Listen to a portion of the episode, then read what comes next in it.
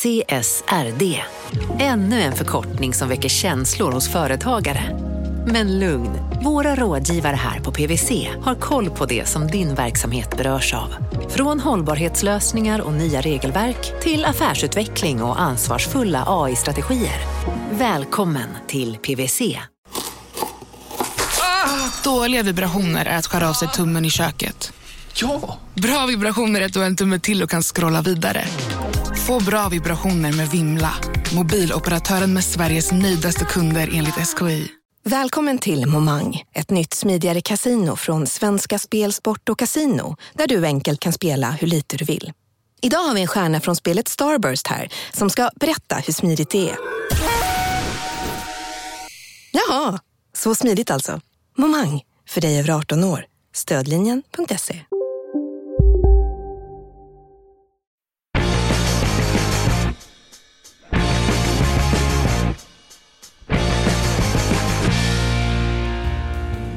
Mina damer och herrar, varmt välkomna till det tredje avsnittet av De kallar oss krypto.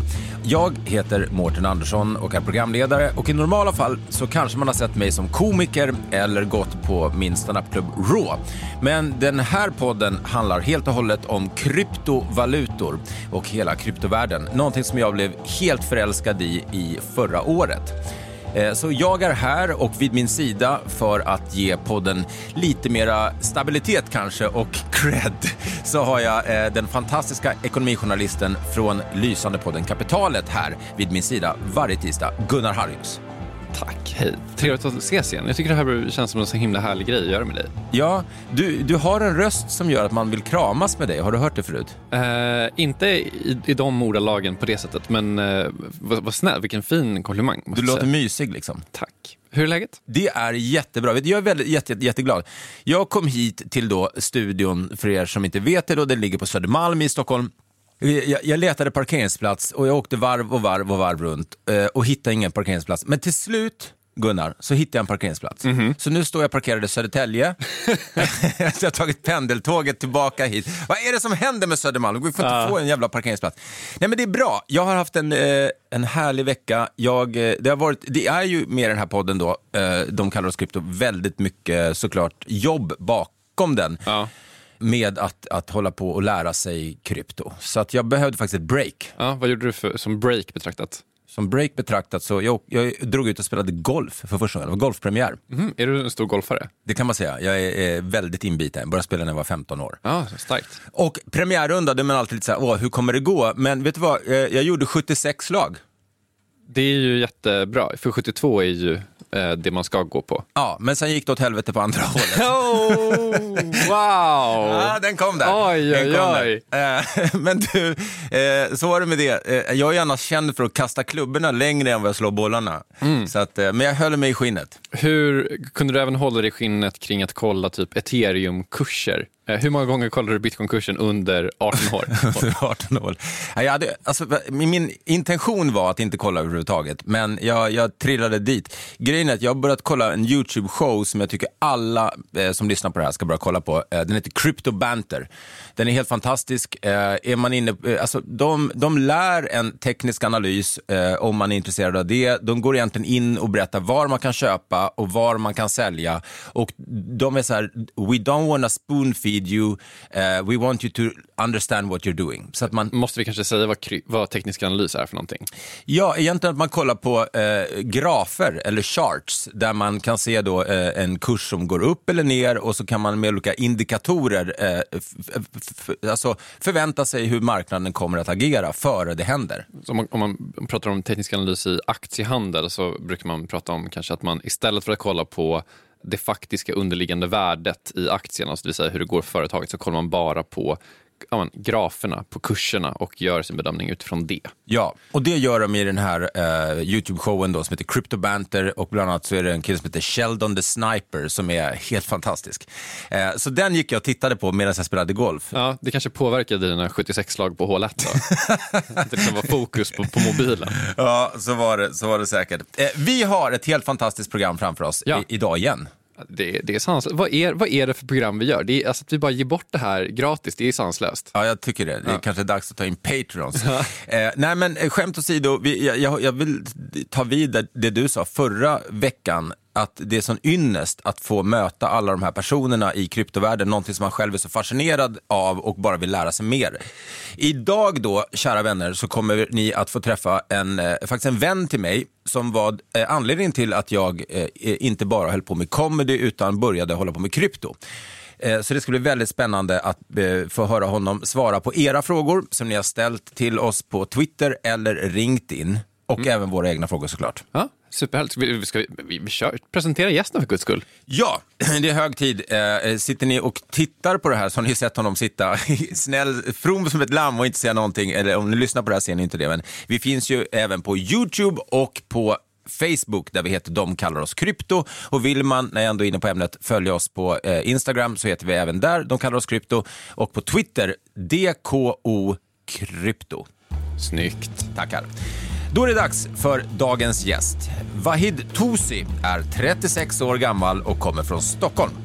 Han har en diger meritlista. Han är serieentreprenör, kryptoängelinvesterare, rådgivare åt ett tiotal internationella kryptoprojekt och har dessutom blivit utsedd till Sveriges bäst klädda man. What the fuck. Han håller sig gärna bakom kulisserna, men gör idag sitt första publika kryptoframträdande i landet. Och han gör det såklart i De kallar oss krypto. Varmt välkommen hit, Vahid Tosi! Tack så mycket, tack. Det känns kul att vara här. Publikens jubel. Ja, eh, ska, du, ska vi berätta, kanske bara kort, eh, hur kommer det sig att du valde att tacka ja och kliva ut ur gar- de- de- garderoben Ja, just idag? Eh, det var väldigt enkelt. Det är ganska svårt att säga nej till dig. och då kändes det som att eh, det kommer, jag kommer behöva säga ja till slut. Så då kändes det bara givet att jag skulle säga ja. Ja, Eh, Då var det lika bra att kapitulera direkt. Liksom, Exakt. Ja, bara- det, ja. det, låt oss inte dansa runt den här gräten eller vad man säger. Låt oss bara köra. Liksom. Ja. Nej, men det kändes bra. Jag kände att det är tryggt att vara i dina händer och jag litar på dig. Så kör vi så. Ja, men absolut, vi kör på det här. Men, men liksom, du antyder att ni känner varandra. Hur, hur känner ni varandra? Liksom, hur, hur får en serieentreprenör och kryptoängelinvesterare kontakt med en, en eh, komiker slash kryptoentusiast? Vi träffades på en toalett i Mexiko eh, Ja. första, bör- eh, första gången. I Eh, Tulum. I Tulum, exakt. Och därefter så var det bara, liksom, var det bara sparkles. Vad hände på den här toaletten undrar man ju nu. Ja, det låter mer suspekt än vad det var. Eh, Det, då, eh, Vahid och hans brorsa satt på en strand. Jag var där själv för att skriva en, en, en soloshow, eh, stand-up. Och eh, jag gillar att prata med folk och det gör Vahid också. Så vi såg så bara, han såg cool ut och jag vet inte vad han tänkte om mig, men jag sa hej och så började vi snacka. Ja. Och sen satte vi oss ner på stranden och drack drinkar ihop och där började det. Våra ögon möttes i toaletten, men det var bara liksom... Och nu är vi på Södermalm i en podcaststudio, så att det är Yes. spännande. Låt oss eh, eh, eh, dra igång eh, med, eh, kanske bara börja, hur kom du in på krypto? Det är alltid kul att eh, höra hur folk hörde om krypto första gången. Första gången jag hörde om krypto var typ 2013-14. En granne till mig hade köpt en stuga uppe i Ramenbergen. Och eh, på vintrarna så stod den stugan kall och han var tvungen att värma upp den. Så sa han att det borde finnas någonting man kan göra för att, eh, ja men inte bara slösa energin för att hålla den här basvärmen. Och då kom han tillbaka och sa, jag har hittat den här märkliga, magiska grejen. Det, eh, jag kan alltså använda mina datorer, värma upp stugan samtidigt som jag bidrar till att validera ett nätverk. Det, så här, det där lät, det låter ju konstigt. Liksom. I det fallet så hade han laddat hem bitcoin-mjukvaran. Den som man använder för att hålla en track på allting som händer på bitco- bitcoin-mjukvaran. Och det kräver datorkraft. Och när man kör det här programmet så blir datorerna varma och det ger ifrån sig värme och på så vis så hölls hans eh, liksom, stuga varm. Två, eh, två flugor i en smäll. Yes, exakt. Då, det, det var inte då jag, jag förstod inte riktigt bitcoin då. Utan eh, jag förstod att det var någonting men eh, jag, jag, jag, jag blev inte riktigt intresserad om man ska vara helt eh, liksom, slav till tidslinjen. Utan det blev nog 2016-17 började man liksom gå all in i det hela. Men hur ser din bakgrund ut liksom pre-krypto? Du serieentreprenör och så vidare. Vad, är- vad är dina eh, projekt som du har varit inblandad i? Ja, alltså serieentreprenör kan ju också vara oanställningsbar. Så, Ja, att, exakt. så det på hur man, hur man ser på det. Liksom. Ja. Men jag har aldrig haft ett jobb. Eh, ganska tidigt insåg jag väl ganska, eh, att jag kanske inte funkar i den traditionella mallen. Så att jag startade ett första bolag när man var 17 år. Och sen så började man med eh, eh, lite klockförsäljning och sen så var det lite dryck och sen så var det trådlösa hörlurar. Det här är 2013, 14 och sen... eh, Och det var Pugs, eller hur? Exakt, det var Pugs. Som ju var listat som en av de hetaste startupsen i Sverige då. Ja, det var, vi, vi fick e- extrem traction. Men det var ju för att vi var... Vår produkt byggde på att man skulle kunna använda eh, Apple-produkterna, att det skulle finnas en kompatibilitet. Vi hade en unik laddningsfunktion där man kunde dra ström från en iPhone för att ladda sina hörlurar. Eh, det, var så, det var det vår produkt byggde på. Eh, ganska snabbt stängde de det, ner den möjligheten. Då, ja, och då var det, ja, då acceptera helt enkelt. Då var det dags att börja kolla på kryptovalutor. Exakt, då behövde man gå balls in i krypto. Liksom. Vi ska prata mycket mer om dig. Vi har massa, massa frågor. Men jag tänkte att först vi skulle riva av ett litet eh, nyhetssvep. Då gör vi det. Ja, kör, kör i vind. Får jag en vignett idag eller skippar vi det?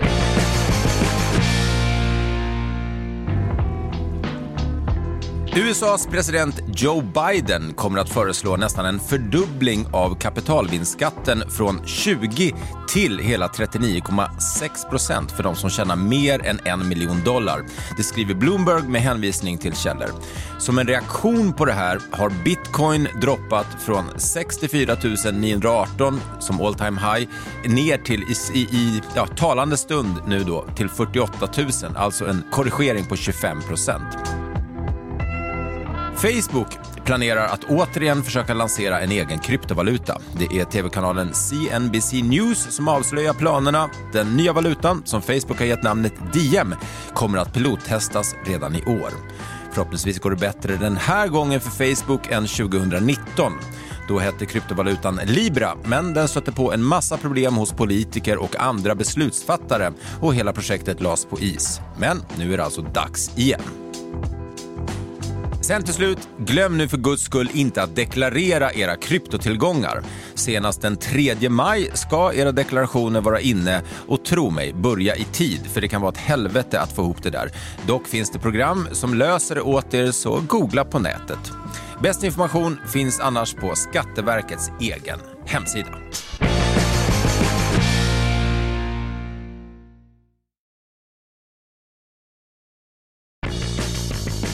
Och Det känns som att det, det rimligaste är att börja i den här eh, korrigeringen slash kraschen. Jag vet inte hur man ska se på det riktigt. Det kanske är där, vi ska börja. Vad, vad är det som har hänt och varför har liksom bitcoin tappat 25 procent? 200 billion dollars in value wiped out from the cryptocurrency market. Analysts pointing to President Biden's plans to raise a long-term capital gains tax as the potential catalyst. And we should say BTC down more than 20% in just over. Och, och hur, hur, ska man tänk, hur tänker du kring det här? Bitcoin har tappat eh, 25 procent om man tittar på det här korta perspektivet, eh, är det, två, tre veckor. Eh, S&P 500 har tappat, Dow Jones har tappat, eh, alla egentligen tillgångsklasser har tappat. Krypto är inte magiskt på det viset att det inte påverkas av omvärldsfaktorer. Eh, tar man liksom tre kliv tillbaks och, och ser det greater picture så sure, det här är en korrektion. Tror jag att det här kommer påverka långsiktigt? Tror jag att det här är liksom slutet på krypto eller bitcoin i det här fallet? Nej, det tror jag inte. Och när bitcoin faller så faller det mesta andra också. Men jag, jag ser inte det här som en, liksom ett stort eh, moln. Du, du ligger inte samlös på nätterna? Liksom. Nej, det gör jag inte. Ja. För jag tänker på det där med, eh, jag menar på Twitter ser man ju mycket snack om liksom och i olika eh, grupper man är med att man pratar om weak hands. Alltså svaga händer eh, som är de som säljer i, i panik och, och det ska man inte kritisera på något sätt naturligtvis för man säljer när man vill, vill sälja. Men är jag fi- ute och cyklar om, om jag tänker att eh, jag, jag kanske är slarvigt eller inte, I don't know, men jag brukar ibland referera till folk som eh, GameStoppers. eh, som jag tycker själv är en ganska bra be- benämning på folk som bara går in och köper hype.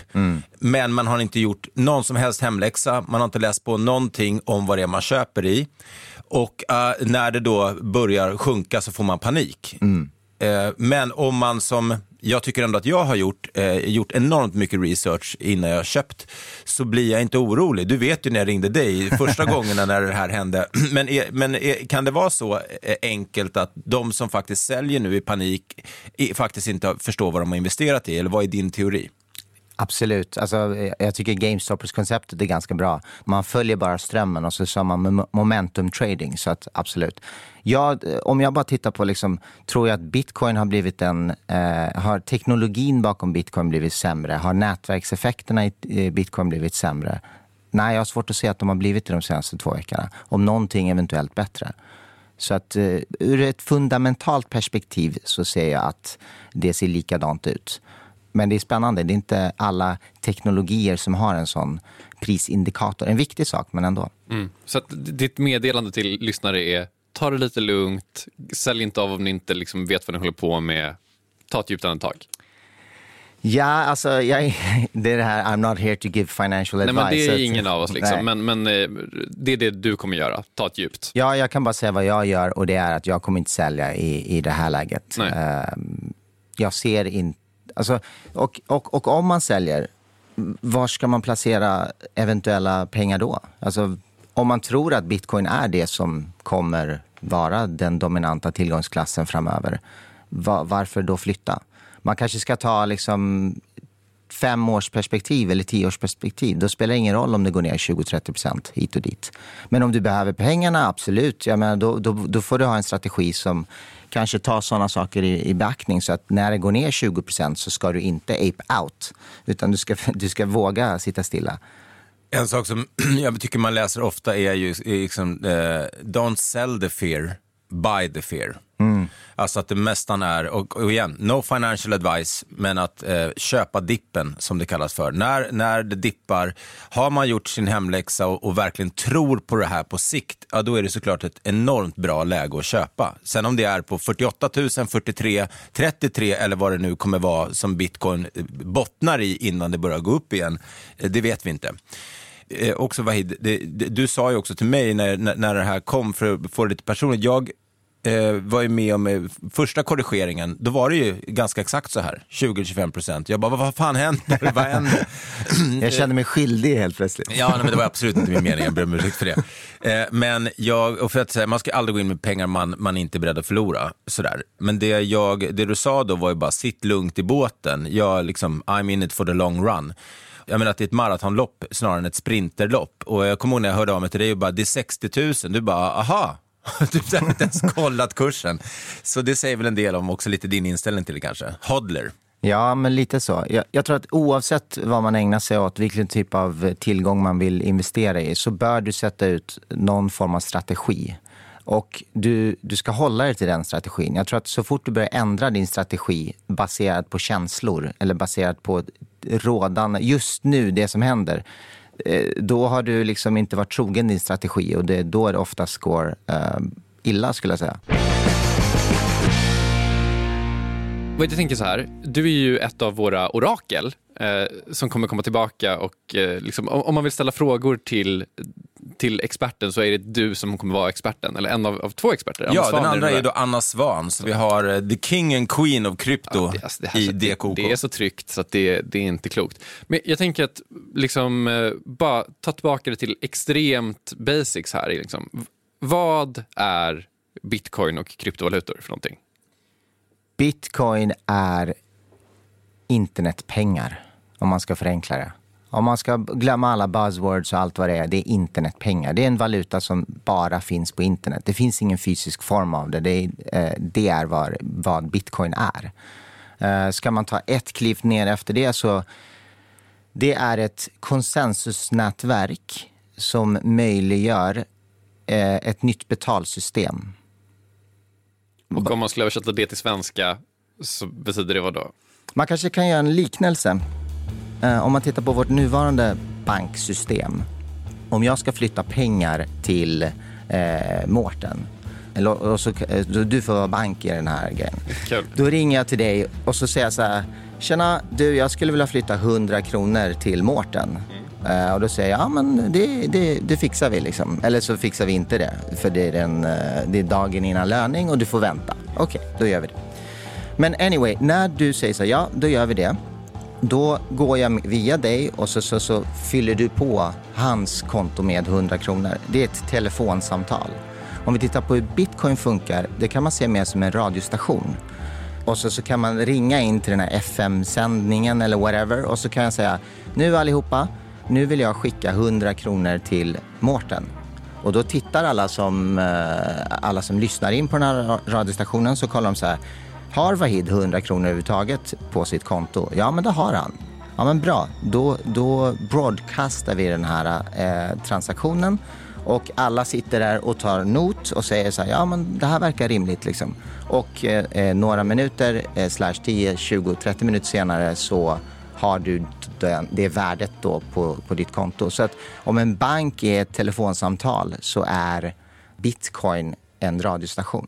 Och det, det, är det här som är skillnaden på centraliserad och decentraliserad Precis. Eh, liksom, transaktioner. Precis. Där radiostationen är decentraliserad. Det finns ingen liksom, central... Det finns ingen bank som, bestäm, koll, som är liksom den enda som får kolla om du har 100 spänn eller inte. Nej, exakt. Och eh, vem som helst kan när som helst tuna in på den här radiostationen och lyssna på allting som händer och säkerställa att det händer. Och vem som helst kan föra bok på att det händer. Så att om, låt säga att vi, vi sitter tio personer runt ett bord och eh, lyssnar på samtalet. Och eh, tre månader senare så hävdar jag att nej, men jag skickade 90 kronor till Mårten. Då kan alla de här tio säga, nej fast det gjorde du inte. Vi har här, vi har alla tagit bok på att det var 100 kronor.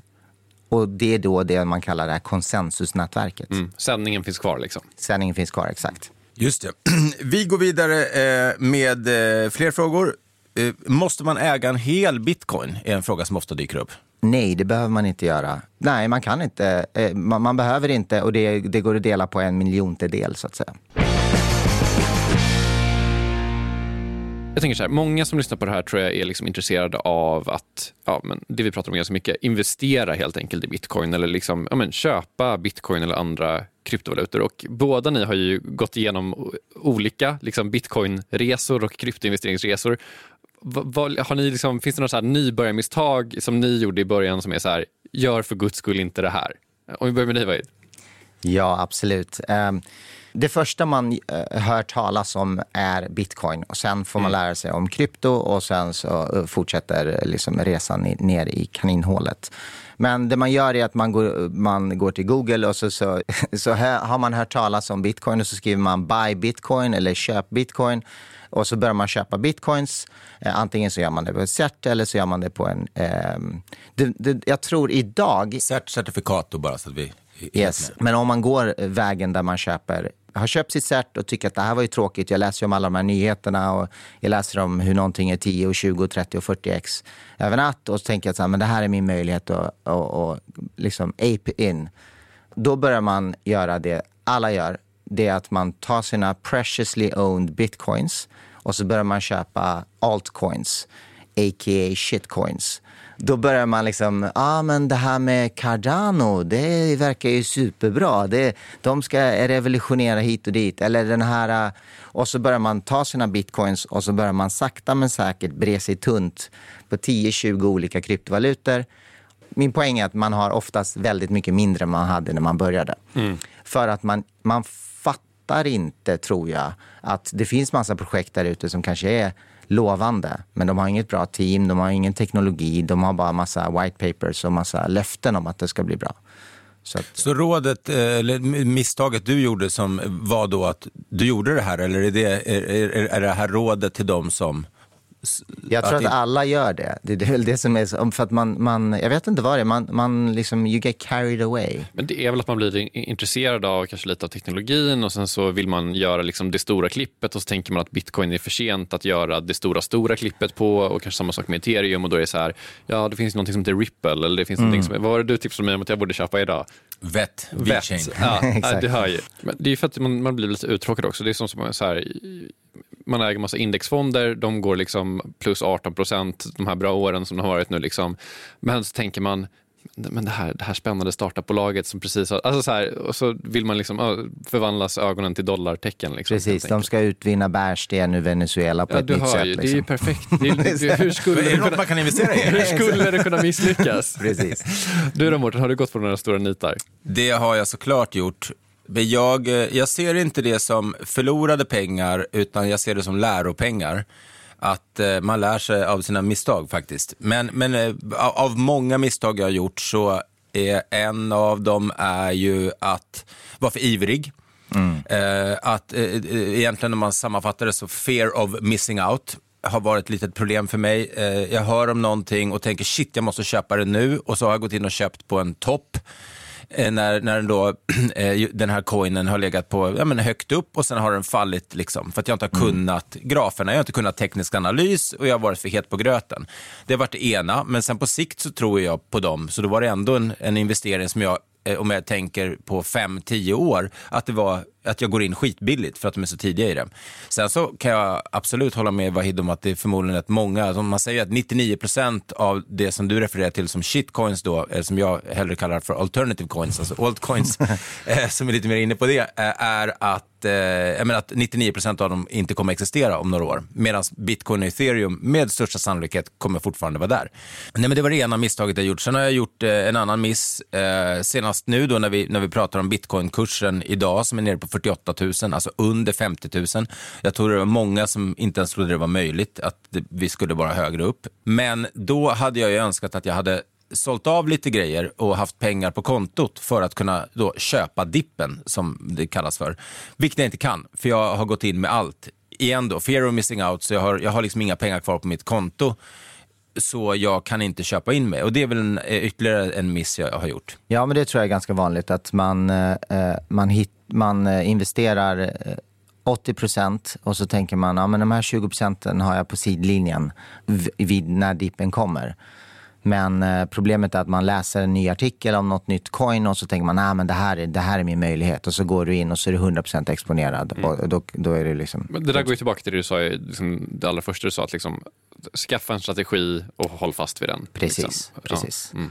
En, en till sak som jag också skulle vilja lyfta ett varnande finger för är eh, leverage trading. Det går aldrig bra. Eh, det är, jag tror att... eh, Det är hävstång alltså. Exakt. Mm. Eh, Det här pratade vi om förra veckan Mårten. Ja. Ja, men jag, faktum är att jag, eh, jag, jag håller med. Men jag satte en hävstång riktigt snyggt. Jag gick in på Doge när den stod i 0,45 och den föll precis som jag hade gjort med min första tekniska analys så föll den ganska ordentligt. Så jag tjänade faktiskt pengar på det. Men jag håller med, håller undan.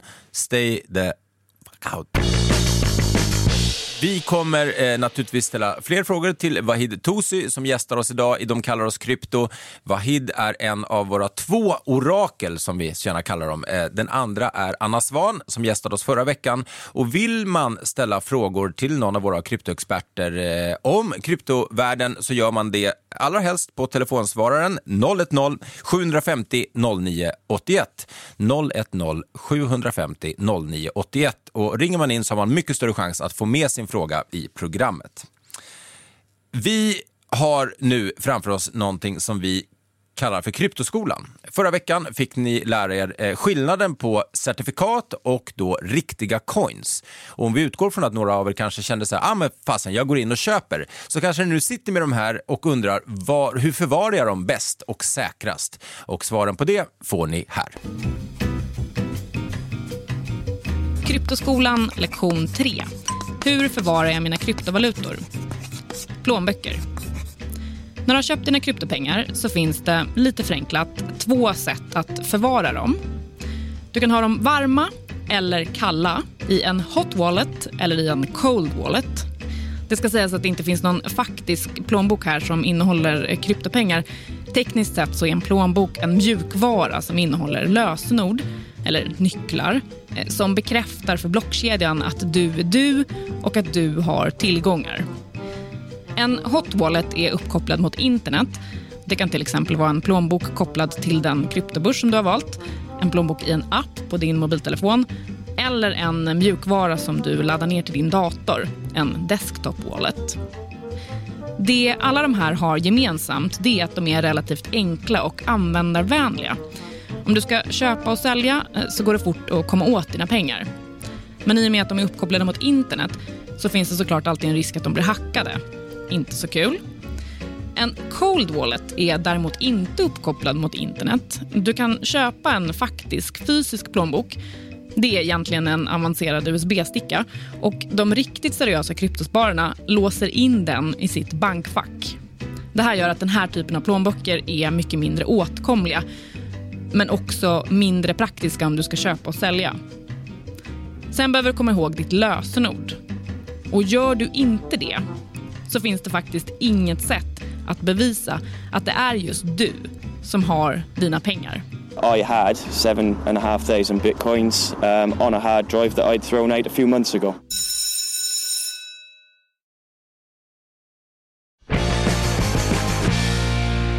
Eh, Kryptoskolan alltså den här veckan inläst av vår underbara kollega eh, Åsa Secker. Vi har fått en fråga till vår telefonsvarare eh, till eh, dig Wahid. Jag tror att vi kanske kan hjälpas åt lite att svara på den här frågan. Men, men det, det, känns som en, en, elementär och eh, väldigt bra fråga att ha med i programmet. Hej, Fredrik heter jag, ringer från Värmland och jag undrar var någonstans köper jag kryptovalutor? Försök, försökte köpa eh, på Coinbase via... Då sa jag, eh, har jag Paypal. Eh, de var inte redo här för att, man skulle kunna föra över. Och då sa jag Skandiabanken och de för inte heller över till Coinbase. Så då undrar jag, vart kan man köpa och vilken bank ska man ha här i Sverige? Tack så mycket. Hej!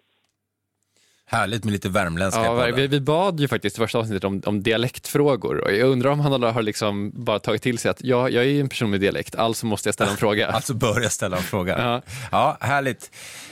Vem vill börja? Um, ja, men jag, jag, kan svara på kanske om man köper faktiska coins så kan ni svara mm. på certen. Ja, och det, sure. För det är det han frågar om. För att köper man ett certifikat då, som vi håller på att förkorta till CERT, då, då har man ju det på Avanza och Nordnet eh, bland andra. Det kanske finns fler alternativ idag. Det, gör väl, men det är väl de två stora liksom, vanligaste bankerna i Sverige som, som erbjuder köp av, av den typen av tjänster. Men eh, då är ju plånboken eh, på Nordnet och Avanza. Men om man köper riktiga coins då, eh, så, då, då, blir det här med plånbok aktuellt. Men också hans fråga då, eh, hur går han tillväga?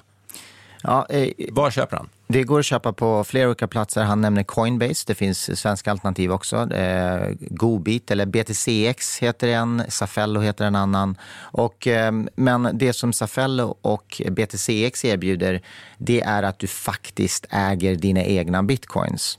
Um, så det är, en, det är en lite mer komplicerad process, men då har du kontroll över dina bitcoins också. Men tekniskt sett så äger inte du dina bitcoins, eh, utan det är precis så som du äger, om du har ett cert så har du en representation av dina bitcoins på Eh, den här, låt säga Coinbase-walleten. Eh, eh så att eh, du äger inte dina privata nycklar och därmed så äger du inte dina bitcoins. De hålls hos Coinbase, eh, som det man kallar för en custody-lösning. Om du vill de facto äga dina krypto då behöver du ladda hem som sagt en, en, en plånbok. Det finns olika varianter. Det finns Wallet, eh, Exodus, Blue Wallet och det finns eh, Trust och så vidare. Och så vidare.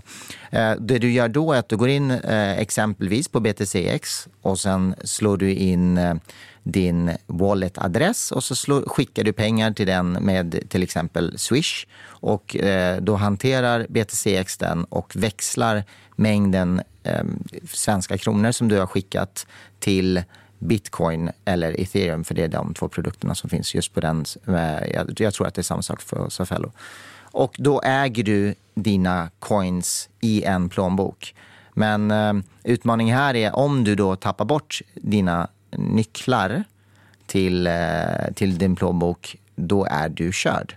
Det finns inget sätt man kan få tillbaka det. Nej.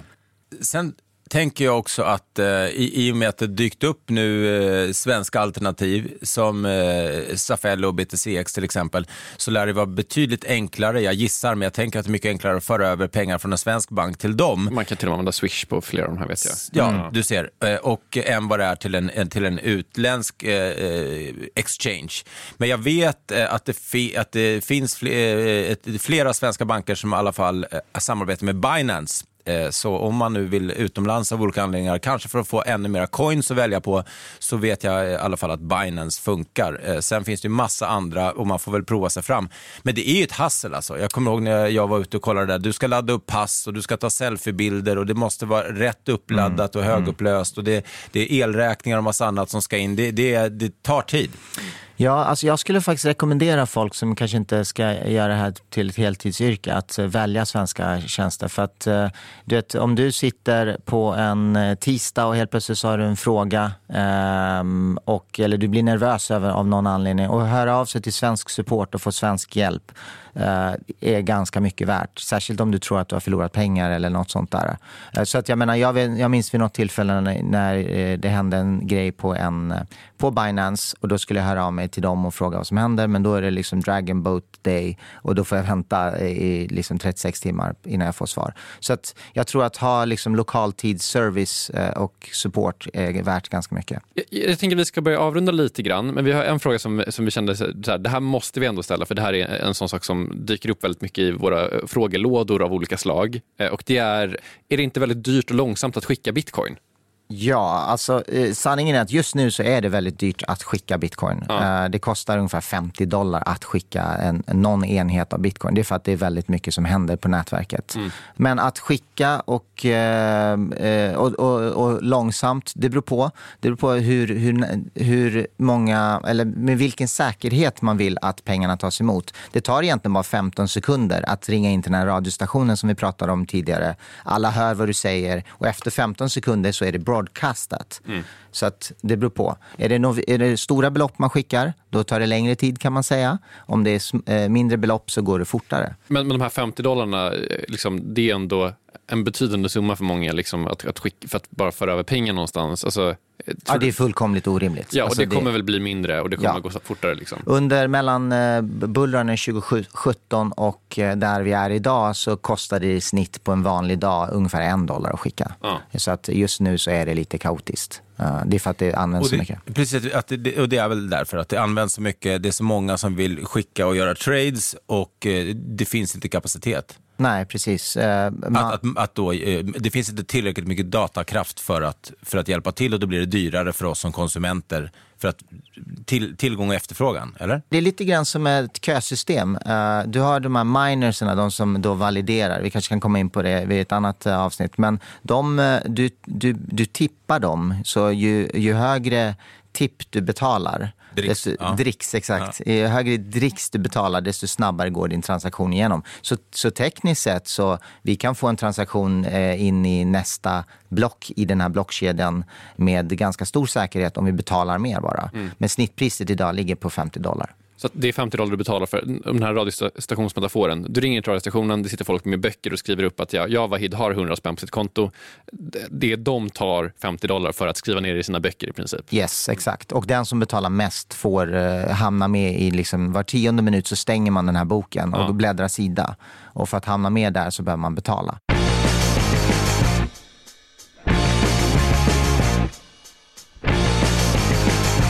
Det var väldigt roligt att ha dig här.